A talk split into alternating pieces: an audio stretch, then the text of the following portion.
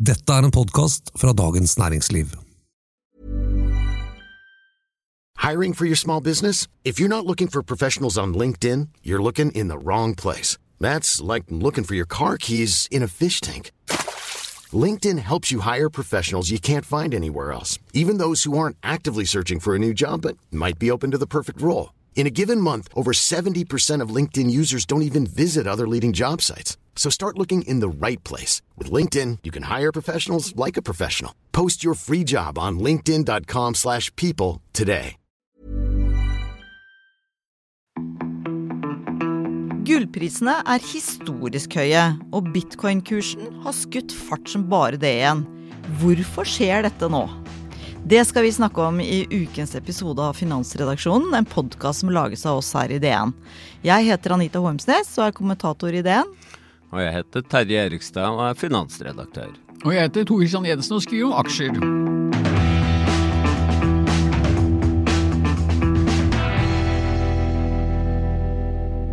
Og litt gull. Og litt bitcoin. og litt gull. Nei, ikke så mye bitcoin. Det er mest for, er terje, Terje- det er mest for å terge leserne. Ja, Terje tar den biten. Altså gullprisen, bare for da historikken. Gullprisen har da steget med 100% de siste fem årene. Bitcoin-kursen har steget med 1555% i samme periode. Men nå skal det jo sies at den eh, bitcoin-kursen har vært eh, relativt ruglete. Så det, det har skjedd litt i løpet av den femårsperioden. Men uh, gull har liksom tikka ganske greit oppover. Men hvorfor stiger gullprisen nå? Ja, der, her, her har vi en hel meny av forskjellige forklaringer. For det, det, det interessante er at uh, gull, gullprisen har da steget ca. 14 siden starten av oktober. Jeg tar en litt kortere periode enn det du Du er jo mer langsiktig, Anita, mens jeg er kortsiktig. Så, så 14, 14 siden starten av oktober. Og mm, da er det jo veldig fristende å knytte det til uh, konflikt med Gazastripen, uh, krigføring mellom Hamas og, og Israel. fordi at Eh, alle kan være enige om at gull er det mest klassiske safe haven, eh, eller trygg havn-investeringen eh, som finnes, og det, og det, vet vi fra historien at geopolitisk, eh, med geopolitisk eh, uro så eh, flokker folk til, eh, til eh, gull. Og så er det en stripe med andre forklaringer også. Det er slik at eh, vi har sett eh, dollaren svekke seg, men dollarindeksen har svekket seg med 3,5% i i denne perioden. Og det vet vi også at når dollaren svekker seg, så fører det gjerne til prisoppgang på råvarer som prises i dollar, fordi at investorer som ikke er i dollarsonen, for dem de får jo høyere kjøpekraft når dollaren svekker seg. Vi ser samme effekten på, på oljeprisen. Den går også gjerne opp når dollaren svekker seg. Og så er det en, en tredje faktor, og det er at eh, vi har sett renten, eller tiårig statsrenten i USA, eh, har eh, falt nå de, de siste ukene. Den er fortsatt på et høyt nivå, men bevegelsen er nedover ganske kraftig faktisk også, fra en topp på rundt 5% til nå nede i 4,2% og for denne viktige renten så er det nærmest som jordskjelv å, å betrakte. Og rente det er alternativkostnaden for å holde gull, og skal du sitte og holde gull, så, så koster det jo det altså finansieringskostnaden, kostnaden det er å sitte med gull. Og så er det en fjerde og siste forklaring som har vært ned, og det at vi ser flere sentralbanker som øker kjøpet av eh, gull. Dels skyldes det eh, sanksjoner etter eh, krigføring, Russlands angrepskrig mot eh, Ukraina. Sanksjoner som gjør at noen sentralbanker da eh, ønsker å gå ut av dollar og så vil sitte i, i, i gull isteden. Og det er klart da, et, og Gull er jo et, hva skal vi si, en, en fast mengde av det, og når etterspørselen øker, i hvert fall på kort sikt. da, og Når etterspørselen da øker, så fører det prisen opp. Det har vært nevnt som årsaker. da. Mm, har du noe å tillegge, eller Terje? Ja, altså den, eh, det, det som er spesielt med gull, er at det er ingen motpart. Hvis du eier en gullbar, så er det eh, Du har den, og det er ingen du, du, Ikke sant, hvis du har et innskudd i en bank, så må du gå til banken for å få pengene dine. Du har en krav på en motpart. Og sånn er det også eh, når det gjelder sentralbanker. Hvis de vil plassere sine eh, valutareserver f.eks. i amerikanske statspapirer, så er amerikanske staten motpart. Og hvis det da oppstår en konflikt, så kan den motparten, den amerikanske staten, unnlate å gi deg pengene du har krav på. Men eier du gullet og har det fysisk, så er du på en måte uavhengig, da. Og det er liksom en, en veldig unik egenskap med gull.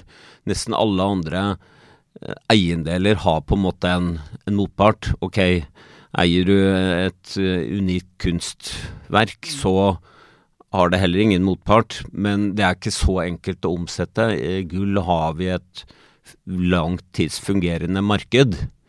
Så det er mye usikkerhet som gjør det. Svekkelse av amerikansk dollar, ønske om å ikke ha noen eh, motparter som Mm. ikke kommer til å gi deg penger. Nettopp. Og selvfølgelig at, eh, at folk vil eh, kle seg med smykker Ja, det av også. gull. Og det er en annen litt sånn unik eh, side med gull. Eh, det er at det også jo har en alternativ anvendelse. Ikke bare som et, en investering, men eh, Som som et ja, Stas. ja, ja da, men også som faktisk en industriell eh, innsatsfaktor. For gull brukes i en del industrielle prosesser. Ja, det så jeg. Det var eh, lupen eh, Hva var det det ble brukt i da? Ja, det, det er ganske Noe som heter World Gold Council har en sånn oversikt over hvordan gull brukes, og gull har den egenskapen at det, det både på en måte er et finansielt eh, investeringsobjekt og et industrielt eh, objekt. Mm. Så det er litt sånn unikt. Men nå, du dro jo gullprisen Var det fem år? var Fem år. Og du dro den Siden starten av oktober. Ok, da kan, da kan jeg ta da, altså fra eh, år 1900. Å ja, ja. Og Der er, da er 2022. langsiktig. Skikkelig linjer. Man må se de lange linjene. Du som har skrevet om rentehistorien i 7000 år tilbake. Nettopp. 700, da. Ja, unnskyld. Ok. Um, og tar man lange, de lange brillene på, så viser det at gull er et helt elendig investeringsobjekt. Ja, ja. Hvis du kjøpte gull for én dollar i år 1900, så ville realverdien ha blitt 2,5 dollar i og, uh, slutten av 2022. Å ja. Ja. Eh, obligasjoner, amerikanske statsobligasjoner, ville heller ikke ha steget så veldig mye. Eh, du ville ha sittet igjen med 7,8 dollar fra den ene dollaren. Men hadde du investert i amerikanske aksjer, så ville du ha sittet igjen Den ene dollaren ville ha vokst i realverdi, altså ikke nominelt, men etter at du har liksom eh, trukket fra inflasjonen, til 2024 dollar. Åh, ja, da var jo gullkursen og eh, Og så, bare skal jeg bare legge til, at dette er jo en, en, teoretisk beregning selvfølgelig, men den tar jo da ikke høyde for at hvis du skal eie gull, så er det lagringskostnader. Eh, og du kan selvfølgelig ha en, kjøpe en gullbar og ha den. Da har du jo risiko for at noen bare stjeler den. Eller så kan du ha den i, eh, i et eh, fort i USA, sånn som den norske sentralbanken hadde da vi hadde gull. Vi har ikke det lenger. Altså, Norges Bank eier ikke noe gull. Eh, men da må, må du jo betale noen. Så hvis du hadde kjøpt en gullbar og fått noen til å holde den i 122 år, så, så ville det vært en kraftig negativ avkastning på den gullinvesteringen.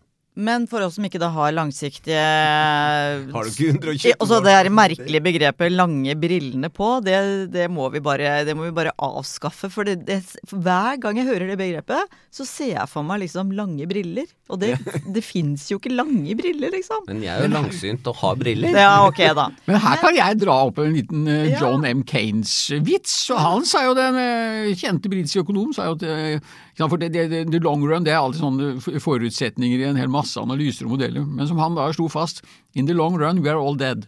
Ja. So who cares? Men et annet godt tegn på at gullprisen gullprisene er høye, det er bare å google gullpris.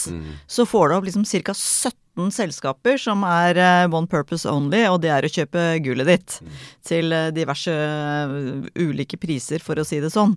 Så sånn, sånn rett før jul, da, hvis du er litt sånn skranten økonomisk, så går det jo an å leite i skuffer og skap, holdt jeg på å si, etter noe arve, arvegods. Blir tennene. Ja, ja, å, gud a meg. Nei, gud. Gulltenner tenkte jeg ikke på engang. Det er de som har det i skuffa, liksom. Ja ja, du kanskje, men Da må okay, du grave dypt. det. Var i hvert fall lenge, lenge siden. Oliver. Men det er også veldig godt, eh, eller godt sånn der signal da, på at det er mange som vil kjøpe gullet ditt. Og det var det jo når det var eh, høye gullpriser for en periode siden nå. skal være, du skal være litt forsiktig med hvem du selger til. Men så, så, så vi vil bare konkludere med det, da, at det er egentlig Er det ikke noe Bør vi ikke investere i gull? Nei, eh, gull er ikke noe å investere i for folk flest, men, men gull har en positiv historisk egenskap. Den, den statistikken jeg hentet er fra en sånn årlig studie som tre engelske akademikere lager, eh, som Credit Suisse har publisert nå en årrekke. Eh, hvor de ser på de virkelig lange linjene. Men de finner også at gull har en, en egenskap hvor at den eh, på en måte hedger, eller eh, man forsikrer seg mot inflasjon. Men det er igjen også da eh, på å si før kostnader. Så det, det er på en måte ikke noe eh, Gull er liksom egentlig ikke noe alternativ for folk flest. Eh, kjøpe fysisk gull er som sagt eh, dyrt og risikabelt, og, og så har du gull Du har jo et marked for såkalte futures. Men da, det begynner å bli komplisert. Det er mulig det er noen sånne fond, gullfond man kan kjøpe. Det er- Sikkert noen ETF-er. ETF-er, Og ellers så kan ja. du jo kjøpe gull i eh, gullgraverselskaper. Men det er alle sånne gode gammeldags? Ja, unnskyld, hva, hva var det jeg sa for noe? gull i gullgraverselskaper. Kjøpe aksjer i gullgraveselskaper. Men som det er mange, mange sånne anbefalinger som sier at du må aldri finne på å kjøpe aksjer i, i, i sånne gruveselskaper, det er livsfarlig. For du får jo da plutselig pådrar du deg også risikoen med driftsrisikoen med å holde på med denne, denne graving. Men det er jo et derivat av gull, da. og Det er øh, sikkert en hel haug med derivater. Bare eh, si hva en ETF er. Ja, gjør det. Det er et exchange traded fund. Som da på en måte kan Det kan være f.eks. det vi skal snakke om etter hvert, bitcoin. Det kan være et fond som da tilbyr deg eksponering mot bitcoin-prisen, uten at du behøver å kjøpe en bitcoin. Du kjøper da en andel i dette fondet. Og de fondene er da som regel, eller de er børsnoterte, og det er ganske enkelt å kjøpe og selge, og det er ganske sånn lik, likvide investeringer, og det er, det er veldig stort i, i det internasjonale markedet. Yes. Nei, men vet du hva, da tror jeg vi forlater gullet. Uh, det Det går over til Ja, sølvet. Gullet, at det går over til sølv.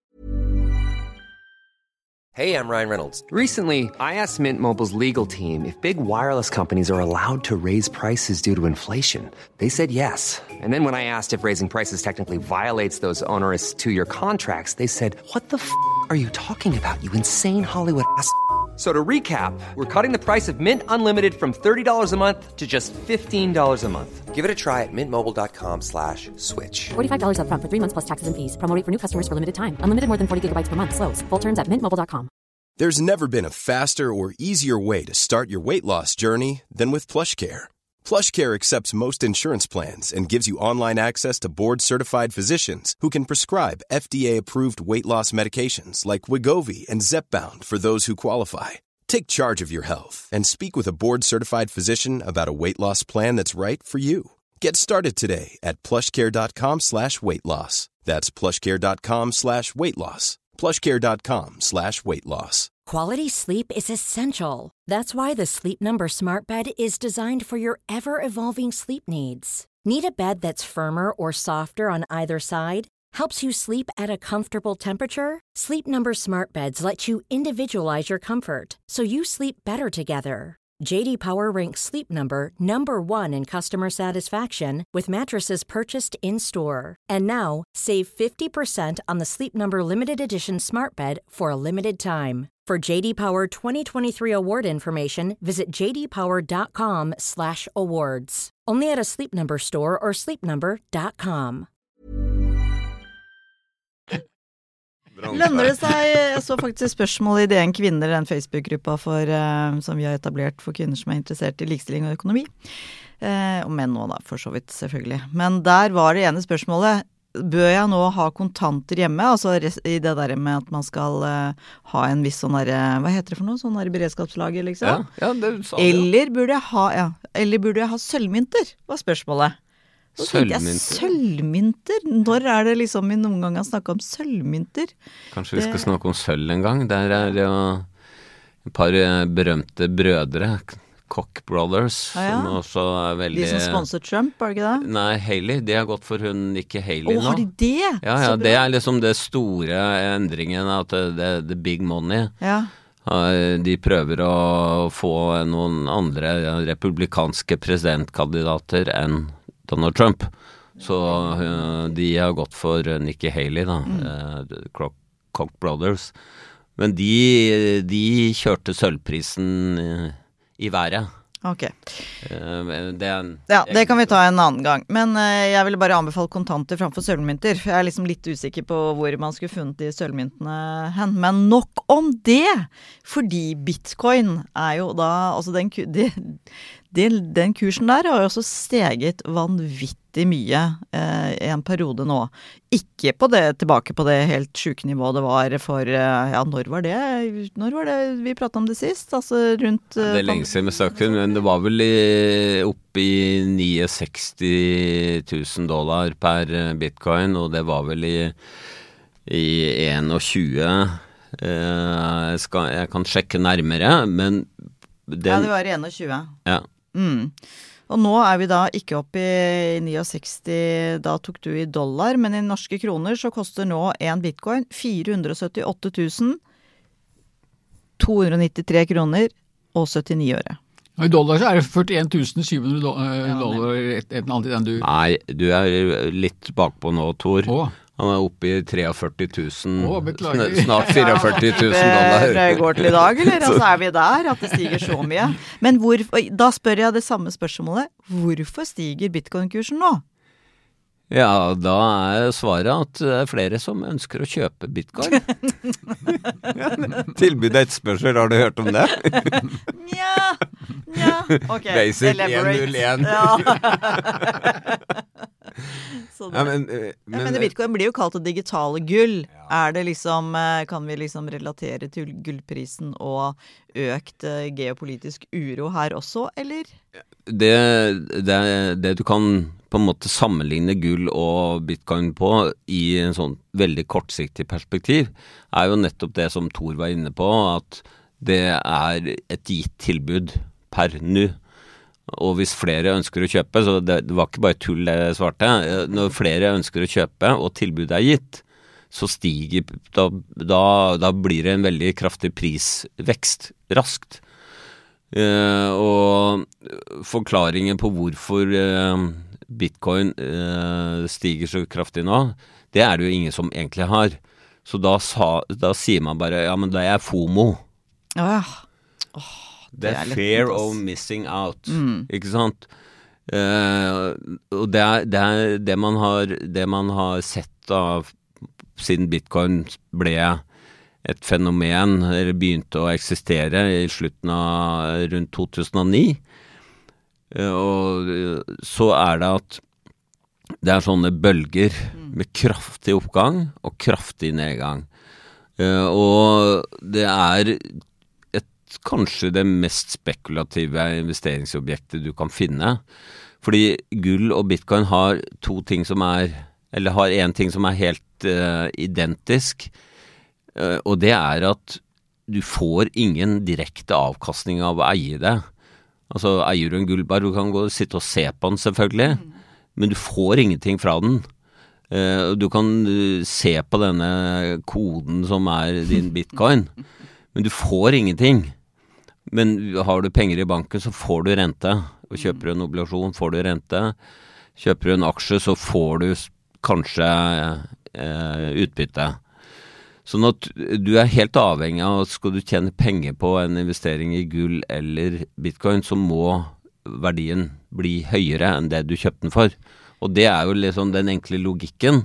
Hvorfor kjøper folk bitcoin nå? Jo, fordi nå er det flere da som åpenbart tror at den skal fortsette å stige i verdi, da. Du som er så mye på Twitter, Tor Christian. Altså nå har, jeg føler at de bitcoin-folka de har ligget litt lavt en stund. De var ekstremt aktive når eh, kursen var på sitt høyeste.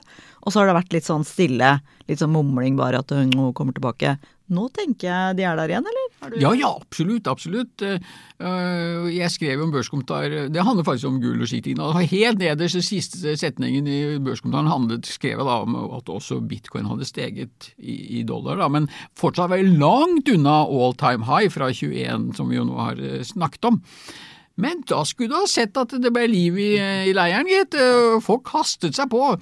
Og eh, en av våre eh, følgere, eh, han skrev jo til meg på Twitter at ja, men hvis du måler i norske kroner, så er vi betydelig nærmere all time high. Og da svarte jeg til han ja, ok, men da kan du måle i tyrkiske lire, så er vi kanskje enda bedre, eller argentinske pesos.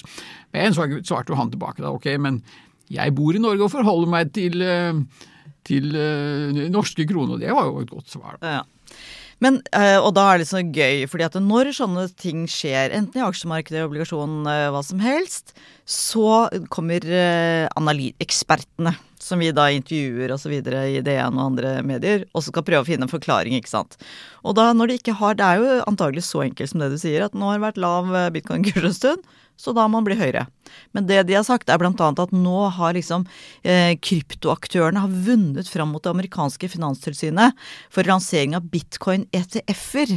Ikke sant? Akkurat som det at det der man liksom slenger sammen alle disse her bitcoinene på en måte skal bidra til kursen opp. Og nå er til og med den finansinstitusjonen Standard Chartered de har nå et prismål på bitcoin på 100 000 dollar ved utgangen av 2024. Og Matrixport aner ikke hva det er for noe, sikkert noen som er veldig pro bitcoin, tror på 125 000 dollar. Det er jo bare er det, det er vinkfingeren i været. Altså, altså virkelig.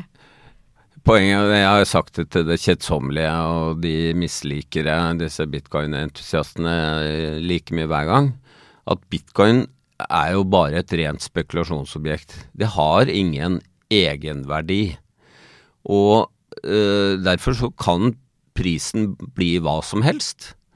Og, og du kan eh, selvfølgelig tjene masse penger hvis du treffer på dine investeringer i bitcoin. Nå viser det seg at ifølge en studie fra internasjonale samarbeidsorganisasjon for sentralbanker, eh, BIS, at i siste liksom sånn boom-bust-bølge så uh, var uh, tre fjerdedeler av alle sånne småinvestorer i bitcoin tapte penger. Mm. Og, og, som Financial Times-spaltisten uh, Eaton Boo skrev nå nylig om bitcoin igjen, hvorfor skal ikke det skje igjen? For det som har skjedd hver gang vi har fått en sånn kjempeboom bitcoin, er at det har kommet også en kjempenedtur. Så siden eh, det, den si, begynte å bli handla, så har det har vært fire sånne kraftige nedturer. Den har vært på sånn 90-70 eh, fra en topp, fra forrige topp. Og det, det, er sjelden du finner et, et investeringsobjekt som så systematisk ha, svinger så kraftig, da. Men det gjør det jo ekstra interessant å investere i. Så, så de som eh, virkelig vil ta risiko, de kan jo gamble eh, på bitcoin. Det er jo en del som ønsker det. Altså de ønsker høy risiko fordi de, de tror de skal klare å tjene mye penger på det. Det er jo litt sånn døll å ha pengene bare i banken eh, ja. og få 3% rente. Du, du, du, er jo ikke spent på hva, hva neste kontoutskrift vil vise. Investerer du i bitcoin, så har du spenning. Da, da, kan du følge med 24 timer i døgnet, faktisk. Og så kan du få uh, oppturer og nedturer. Det eneste jeg tror man med sikkerhet kan si, Eh, Bitcoin er nettopp det. At det blir oppturer og nedturer. Men den siste oppturen nå, for den har vært gode nyheter for El Salvador. Jeg har inntrykk av at de har vel brukt hele statsbudsjettet sitt på, å spekulere i, i bitcoin. Og også Kjell Inge Røkke og Aker. De kjøpte jo en hel masse bitcoin. Det det var jo et selskap som kalles eh, EC, som eh, skulle satse på å mine bitcoin basert på det som kalles stranded assets, altså eh, energiforekomster som ikke hadde noe infrastruktur, at du kunne få koblet denne eh, kraften til. Ikke sant, så da reiser man rundt, putter alle datamaskinene sine i en eh, koffert, og så reiser du dit, og så miner du bitcoin som bare det. Men det har vært veldig stille fra dette Easy, og det var noen problemer med ledelsen, jeg tror alle stakk av, og det ble masse, masse problemer. Men nå som da, og, og de kjøpte jo bitcoin for, til 35 000 dollar, og hvis nå kursen er sånn som Terje sier, 43 000, så eh, er det jo plutselig liv laga. Og mange trodde kanskje, og de indikerte vel også selv, at de skulle på sikt børsnotere dette Easy. Men eh, jeg tror vel, hvis jeg skulle gjøre en vurdering, så tror jeg ikke markedet er helt for noe børsnotering av dette selskapet per nå. Men eh, du har jo nødt Og det er ikke bare det nå, ikke sant. Greit nok at bitcoin er et spekulasjonsobjekt sånn rent økonomisk, men du har, eh, du har jo virkelig satt deg nå i skuddlinja for bitcoin-likers med en kommentar som du nå først har lagd i DN Finans, det nyhetsbrevet du gir ut hver uke, som, eh, som egentlig bare sier at bitcoin er verre enn noen gang. Hva er det du mener med det? Ja, eh, for det første så bruker bitcoin nå mer energi og slipper ut mer klimagasser enn noensinne. Og så bruker det mer vann enn noensinne. Og i tillegg så har jo verdens største kryptobørs innrømmet at den har bidratt til å finansiere terrorister og eh, barneovergripere. Eh, og cyberkriminelle. Eh, og jeg tenker at hvis du støtter opp under et eh, spekulasjonsobjekt som ikke har noen egenverdi, som ikke bidrar med noen eh, substansiell økonomisk merverdi, og som har de negative konsekvensene, ja, da tenker jeg at da har du et problem.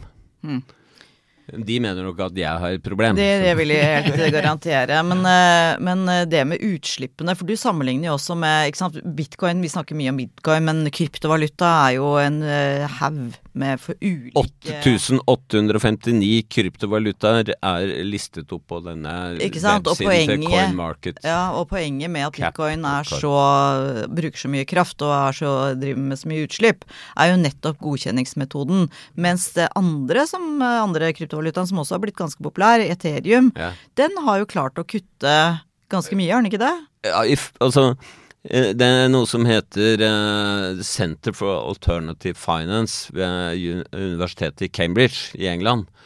eh, som lager da beregninger om energiforbruk og utslipp til kryptovalutaene bitcoin og ethereum, som du nevnte.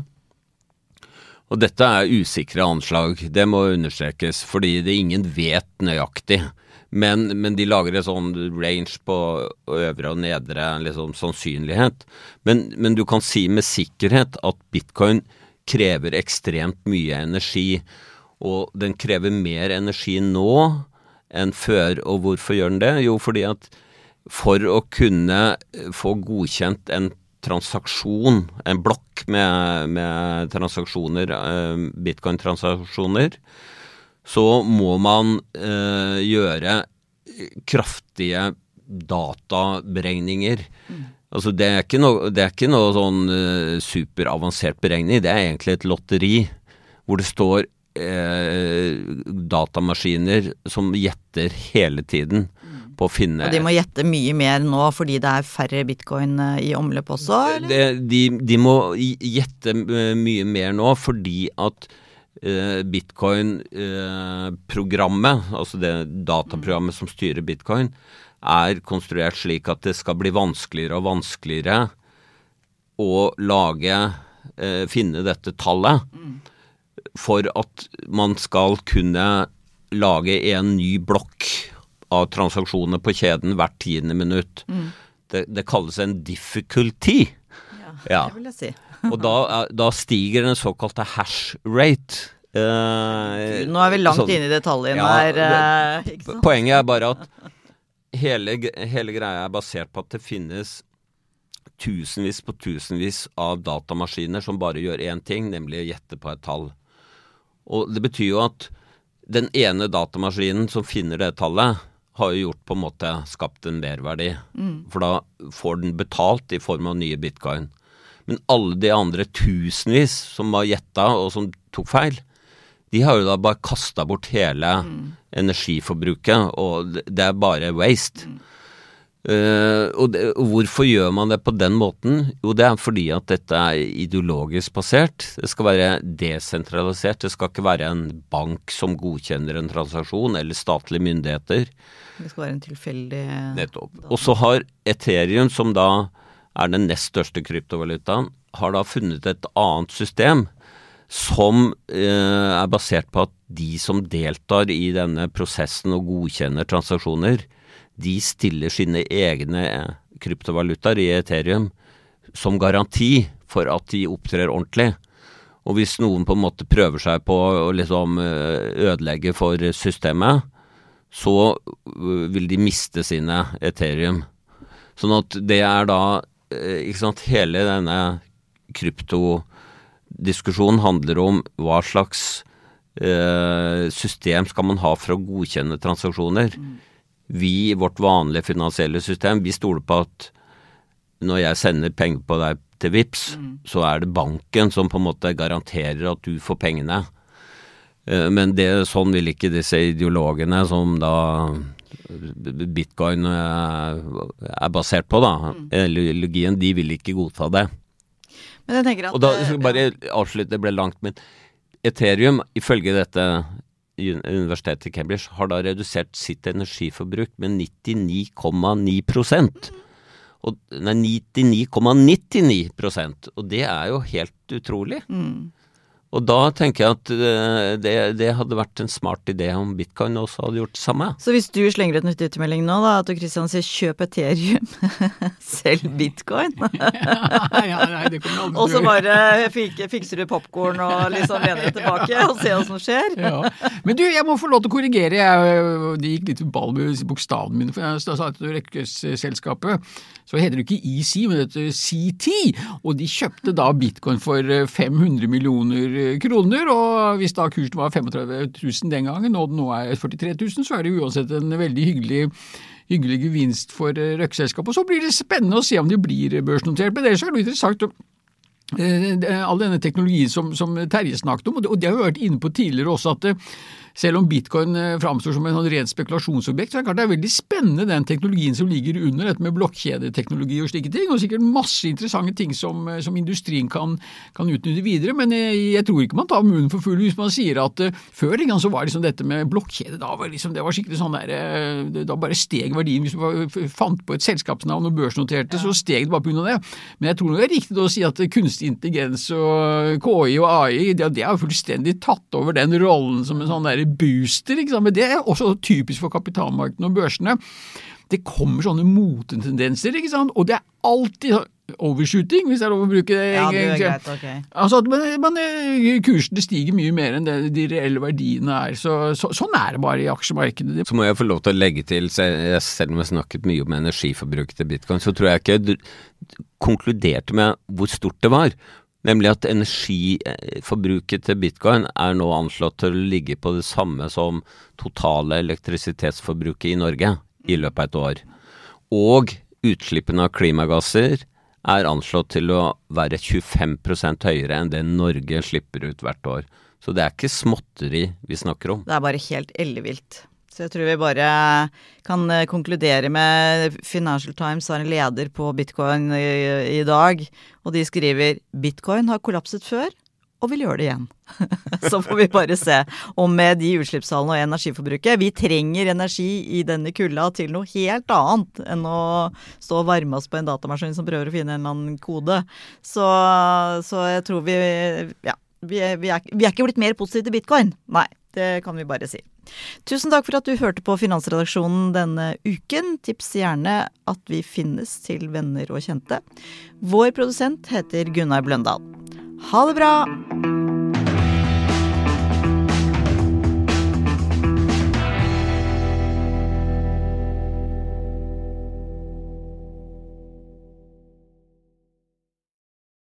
Du har nå hørt en podkast fra Dagens Næringsliv.